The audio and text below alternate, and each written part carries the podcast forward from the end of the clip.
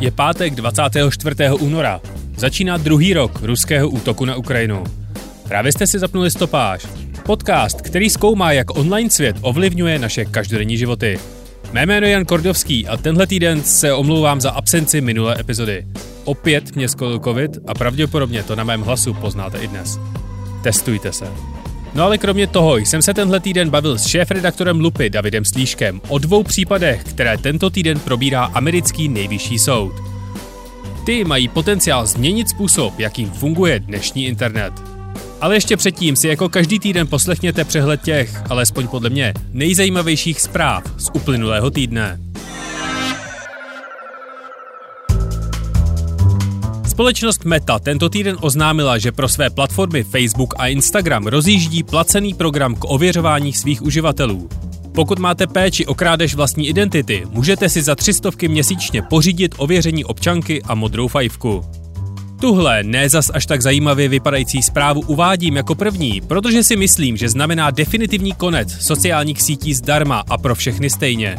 Po letech snahy o regulaci reklamy musí firmy hledat další zdroje příjmů. A vzhledem k tomu, že společně s verifikací dostane uživatel i větší dosah v algoritmickém feedu, jde prakticky jen o převlečenou reklamu, která navíc nebude mít žádné označení. Znamená to i konec éry, kdy si všichni uživatelé byli rovni, nehledě na jejich příjmy. Verifikovaní uživatelé také dostanou přístup k podpoře, základní funkci, která na Facebooku prakticky neexistuje. IT oddělení Evropské komise přikázalo všem zaměstnancům odinstalovat TikTok ze všech zařízení, která používají korporátní software. Čas na smazání čínské sociální sítě mají evropští úředníci do 15. března. A naopak nové vozy Mercedes budou mít TikTok předinstalovaný. Pokud se ptáte proč pro boha, odpověď šéfa Mercedesu je, že průměrnému majiteli nejluxusnějšího Mercedesu S-Class v Číně je pod 40 let. Švédské Spotify představilo funkci Spotify DJ. Spojení strojového učení a syntetického hlasu vám bude míchat hudbu podle odhadu vašeho hudebního vkusu. A začátkem března se očekává, že Spotify promění svoji úvodní stránku, aby se více přiblížila uživatelskému prostředí TikToku. Povede to prý k lepšímu objevování nového obsahu. Teleskop Jamesa Webba našel šest galaxií, které jsou tak obrovské, že mohou zbořit naše současné představy o chápání vesmíru. Galaxie vznikly pouhých 500 milionů let po velkém třesku, ale obsahují struktury 100 miliardakrát větší než je naše Slunce. Tedy téměř dosahující velikosti celé mléčné dráhy. Fyzici z univerzity v Mnichově a Tbilisi vydali studii, ve které tvrdí, že lidstvo má počítat s tím, že černé díry jsou ideálním úložištěm pro kvantová data a měly by se v nich hledat důkazy inteligentního života mimo naší planetu. Rusové zůstanou na ISS minimálně do roku 2028 a úlomky meteoru, který byl spatřen 14. února, dopadly na balkón v jižní Itálii. A co se stalo ještě? Microsoftu zvlčilo jeho prediktivní vyhledávání a firma se ho celý týden snaží vrátit zpátky do ohrádky. Aplikace basketbalové ligy NBA dostane funkci, která v zápase nahradí vámi vybraného hráče vaším tělem i obličejem. Za milion 400 tisíc korun se vydržel první iPhone. V roce 2007 jste si ho mohli koupit za 10 tisíc. Japonsko je další zemí, která začne testovat svoji vlastní digitální měnu. Podle analytiků z Morning Consult čerpá zpravodajství z TikToku 14% generace Z. Společně s Facebookem a Twitterem tak 66% mladých lidí dostává svoje zprávy algoritmicky. Kindle Store už je přes 200 knih spolu napsaných chat GPT. Studenti v Cambridge si odhlasovali přechod kantýny na veganské menu, Bill Gates si koupil skoro 4% Heinekenu a Spojené státy čelí invazí superprasat z Kanady. Stalo se toho mnohem, mnohem víc. Ale dnešní téma stopáže je tak heavy, že jdeme rovnou na něj.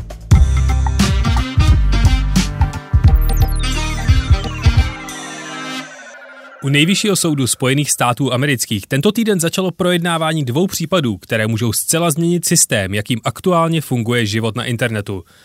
Co je to paragraf 230 a jaké může mít jeho úprava dopady na stav platform, se dnes budu ptát šéf-redaktora serveru Lupa.cz Davida Slíška.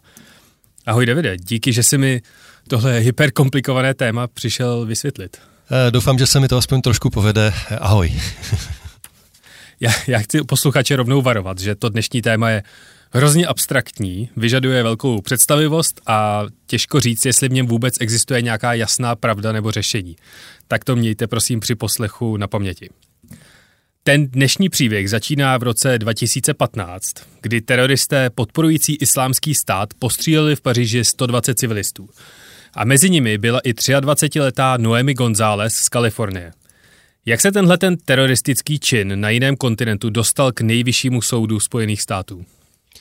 Eh, to je vlastně docela jednoduché, protože vlastně rodina té zesnulé studentky, která eh, ve Francii byla na nějakém výměném pobytu nebo nějak prostě studovala v zahraničí, tak eh, zažalovala firmu Google, která vlastně provozovala v té době YouTube. Dneska je to tedy holding Alphabet, ale provozuje YouTube, známý videoserver a zažalovala ho kvůli tomu, že podle ní tedy napomáhá vlastně teroristům tím způsobem, že šíří její jejich videa a dokonce je doporučuje v rámci svých algoritmů, eh, je prostě doporučuje třeba některým lidem ke shlédnutí. A eh, ten soud, eh, nebo tento spor putoval přes dva soudy ve Spojených státech až k tomu nejvyššímu soudu, protože u těch nižších soudů ta rodina vlastně prohrála. Co přesně, nebo respektive v tomhle sporu se hrozně moc operuje s paragrafem 230, což je 26 slov zákona o Communications Decency Act. Co přesně tenhle ten slavný paragraf tvrdí? Je to opatření, které má vlastně snížit odpovědnost nebo úplně vyloučit odpovědnost internetových služeb za obsah, které, který na ně nahraje někdo jiný, třeba právě uživatelé, a říká vlastně, že opravdu nejsou za ten obsah odpovědné eh, tyto internetové služby, tyto zprostředkovatelé, tedy že vlastně například server YouTube není zodpovědný za obsah videí, eh, která na něj právě třeba někdo nahraje a přes YouTube je šíří.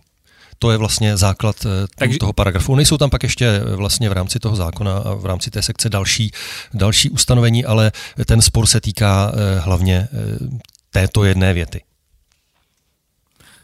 Takže pokud já třeba obviním někoho z vraždy, tak ten někdo nemůže žalovat Facebook za to, že na jeho platformě je vidět tahle ta věta, ale může žalovat pouze rovnou mě jako autora té věty. Je to tak, vlastně v rámci toho amerického právního systému eh, za ten obsah je odpovědný ten uživatel a ne ta platforma, eh, která ho nějakým způsobem šíří. Eh, ono vlastně ještě ten spor je trošičku posunutý dál, protože ten se netýká jenom toho nějakého samotného zveřejňování informací, nebo v tomhle případě zveřejňování těch teroristických humoristických videí, ale právě toho doporučovacího algoritmu. Eh, ta rodina napadla právě to, tu skutečnost, že YouTube eh, doporučoval eh, ta teroristická videa ke shlédnutí nějakým dalším uživatelům a právě ptá se i toho nejvyššího soudu, jestli tohle to není porušení právě tohoto paragrafu 230. Oni si ten paragraf, nebo respektive to doporučování algoritmů, tak oni si to vykládají jako, že je to tvorba obsahu, že je to nějaké editorské rozhodnutí těch platform a tím pádem na ně neplatí ta ochrana toho autora, který nahrál ten obsah na ty platformy? Přesně tak říkají vlastně, že je to jistý způsob moderování nebo edito, eh, editorského přístupu k tomu obsahu. To znamená, že vlastně to není jenom to prosté zveřejnění eh, toho obsahu eh, právě třeba na YouTube, ale že je tam nějaký aktivní zásah té firmy a tím pádem vlastně ta ochrana by se na něj neměla vztahovat. Uvidíme, jak si s tím tedy ten soud poradí. Zatím proběhly nějaké první, proběhla nějaká první jednání, první slyšení a ne Nevypadá to, že by to byl úplně jednoduchý případ. Soudci tak trochu naznačovali, že vlastně úplně neví, jestli jsou ti správní, kdo by o tom měli rozhodovat, jestli náhodou tohle není politické téma, nemělo by se o tom rozhodnout třeba právě v parlamentu úpravou toho zákona nebo něčím podobným. Já dodám, že těch uh, soudců je devět a jejich průměrný věk je asi 1280 let. Takže nevím, jestli opravdu ty jejich technologické znalosti jsou na úrovni, které jsou vyžadovány v takto důležitých případech. Uh, já ještě bych se bych rád upřesnil jednu věc, protože už slyším všechny ty komentáře a čtu je na všech platformách napříč internetem, uh, jak chceme potlačovat svobodu slova a jak je to neuvěřitelná, neuvěřitelná drzost od nás. Ve Spojených státech je legální si napsat na svůj vlastní web, který budu mít na serveru u sebe ve skříni, že fandím ISIS nebo podporuju politiku Adolfa Hitlera? Neznám ten právní systém úplně do detailu, ale určitě ano, ta svoboda slova nebo svoboda toho psát a tvrdit, co člověk vlastně chce, tak je tam mnohem širší třeba než v Evropě. V Evropě, se, v Evropě je těch omezení poměrně více. Ličí se také třeba například v různých zemích, jsou různě zaměřená na nějaká témata, ale Evropa se v tomhle od Spojených států liší poměrně hodně samozřejmě. No a pokud se takovýhle obsah objeví na těch platformách, mají oni povinnost tenhle ten obsah nějakým způsobem moderovat nebo ho mazat, nebo ho neukazovat uh, uživatelům? Myslíš v Evropě nebo v těch Spojených státech? no tak vzhled, pojďme se bavit o Spojených státech, vzhledem k tomu, že tam probíhá tenhle ten soud, který může změnit úplně hmm. celý princip toho, jak uh, tyhle platformy fungují. Pokud vím, tak eh, ve Spojených státech eh, ty platformy nemají povinnost eh, právě ten obsah mazat. Oni to dělají, protože většina z nich má nějaká svá pravidla a samozřejmě z různých komerčních a PRových důvodů nechtějí, aby se na nich třeba nějaký nenávistný nebo jiný obsah, závadný, dejme tomu, tak aby se na nich vyskytoval, takže mažou vlastně příspěvky, ale nemají k tomu úplně zákonnou povinnost. Naopak právě mají tady tu sekci, nebo ten paragraf 230, který je vyvinuje, který říká, že nemají odpovědnost za ten obsah, byť by byl třeba nějakým způsobem závadný. Takže eh, každopádně k nějaké té moderaci tam dochází. Právě ten paragraf 230 eh, potom obsahuje také určité ustanovení, které naopak eh, jak si chrání ty platformy před nějakými civilními spory, když něco smažou. To znamená, vlastně dává jim určitou ochranu, aby mohli mazat, protože kdyby tam ta ochrana nebyla, tak by je mohl asi ve Spojených státech kdokoliv v nějakém civilním eh, řízení zažalovat a chtít po nich strašné peníze za to, že eh, právě třeba porušili jeho svobodu slova a podobně.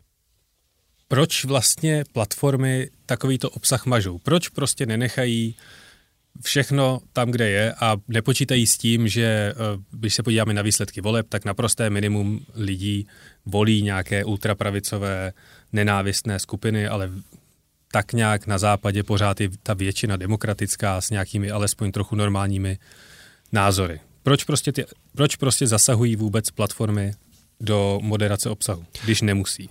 Já si myslím, že jsou tam dva takové hlavní důvody. Jeden je ten, že to opravdu nevypadá dobře a může to celou řadu uživatelů odradit od používání té služby. To znamená, když se třeba Facebook, Twitter nebo jakýkoliv web, protože tohle se netýká jenom těch velkých platform, to se týká v podstatě jakéhokoliv provozovatele nějaké internetové služby, která umožňuje nahrávání uživatelského obsahu, což jsou třeba i komentáře pod články eh, například. Tak eh, prostě, když se z takové služby stane opravdu strašlivá žumpa, kde si všichni jenom nadávají, vyhrožují živí si smrtí a podobně, tak eh, to, myslím, hodně uživatelů nebude příliš bavit na takové službě se pohybovat a budou utíkat pryč a samozřejmě ta služba přijde o uživatele, o peníze a podobně. To si myslím, že je jeden, jeden důvod a druhý je, dejme tomu, politický, protože samozřejmě, eh, když se to uživatelům nebude líbit, tak eh, vznikne určitý tlak na politiky, aby to nějakým způsobem řešili, aby mm, jak si regulovali například ty platformy nebo hm, vytvářeli prostě nějaké zákony, které zas zasáhnout třeba právě proti tomu obsahu a e, tomu se většinou e, všichni provozovatelé internetových služeb chtějí vyhnout, aby e, prostě tady byl nějaký nad nimi další dohled a regulace a tak radši vlastně regulují předem trochu sami. Je tam určitá taková autocenzura, aby to prostě nebylo navenek tak špatné, jak by to být mohlo, kdyby vlastně ten prostor nebyl regulovaný vůbec.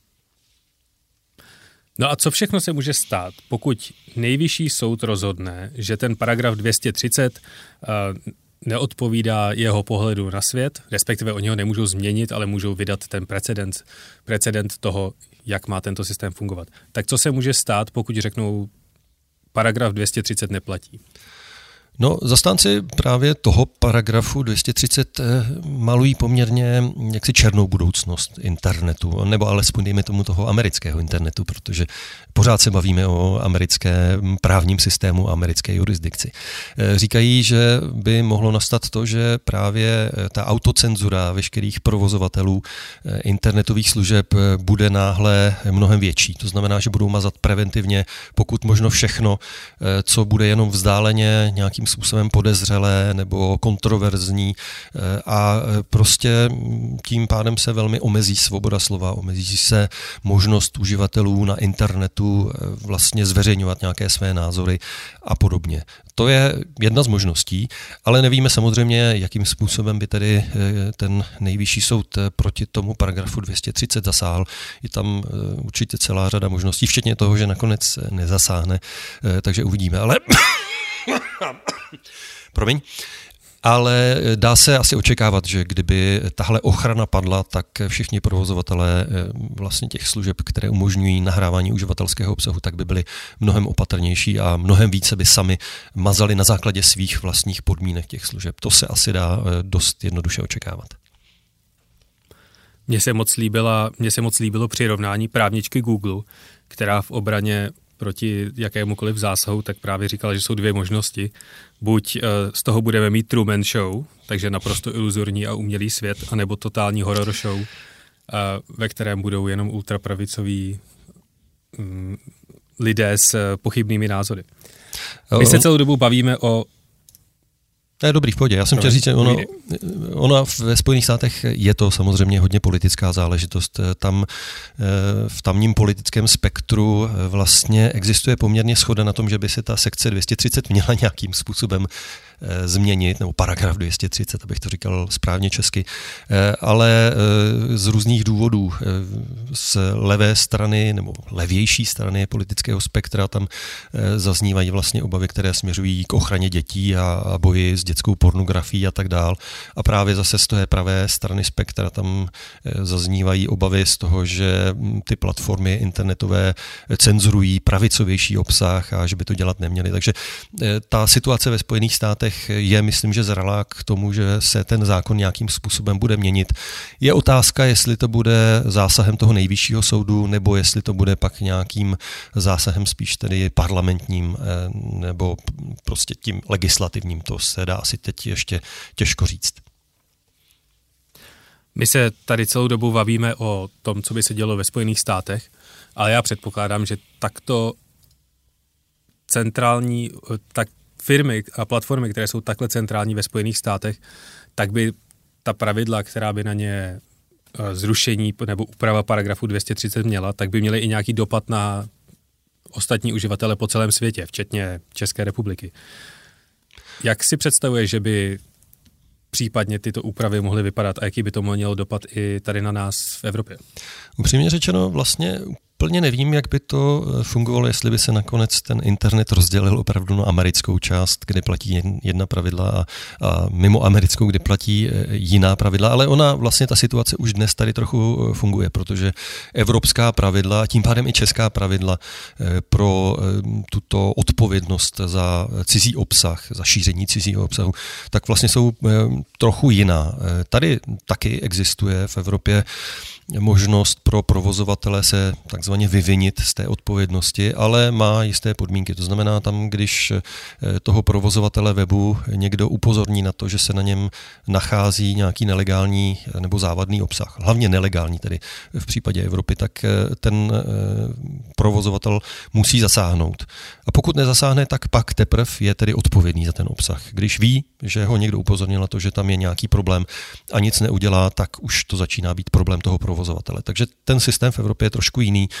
Eh, myslím si, že je o něco logičtější a myslím si, že opravdu provozovatele internetových služeb eh, si zaslouží určitou ochranu eh, před tou absolutní odpovědností, protože v tom množství obsahu, který lidé dnes na web nahrávají, tak není to možné asi úplně stoprocentně uhlídat, aby všechen obsah prostě byl zákonný a byl v souladu se všemi možnými pravidly.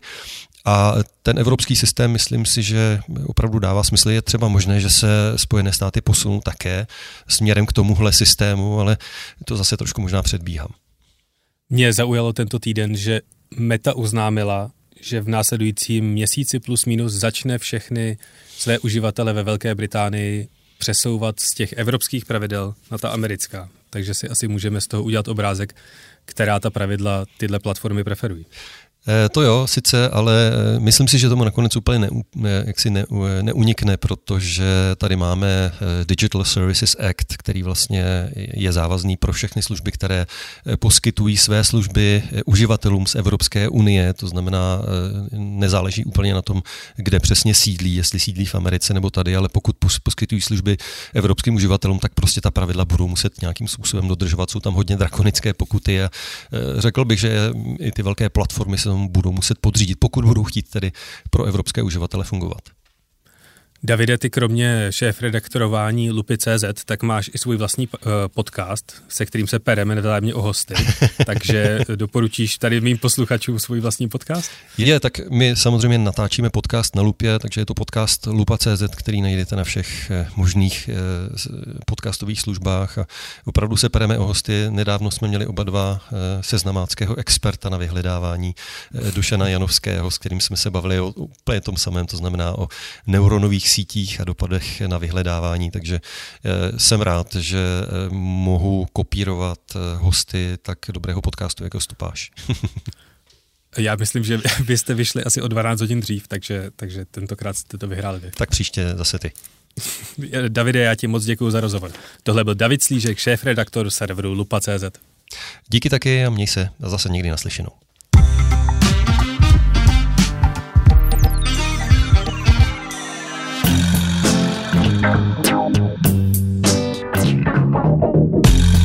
A to je ode mě pro tento týden opět vše. Doufám, že vás dnešní stopáž bavila alespoň podobně, jako bylo zábavné jí tvořit. Pokud máte jakékoliv připomínky, rady, stížnosti nebo hajku od ChatGPT, posílat mi je můžete na jan.kordovský.cz a nebo rovnou na můj Twitter který se mimochodem v rámci mého osobního boje s algoritmy na mém vlastním homescreenu přesunul z doku do složky. Loučí se s vámi Jan Kordovský, díky za poslech, užijte si víkend a příští pátek opět v kyberprostoru. A náhodný fakt nakonec? Slavný slogan Co se stane ve Vegas, zůstane ve Vegas není žádná organická kulturní tradice, ale prachsprostá reklamní kampaň, kterou si město Las Vegas v roce 2003 objednalo od agentury R&R Partners.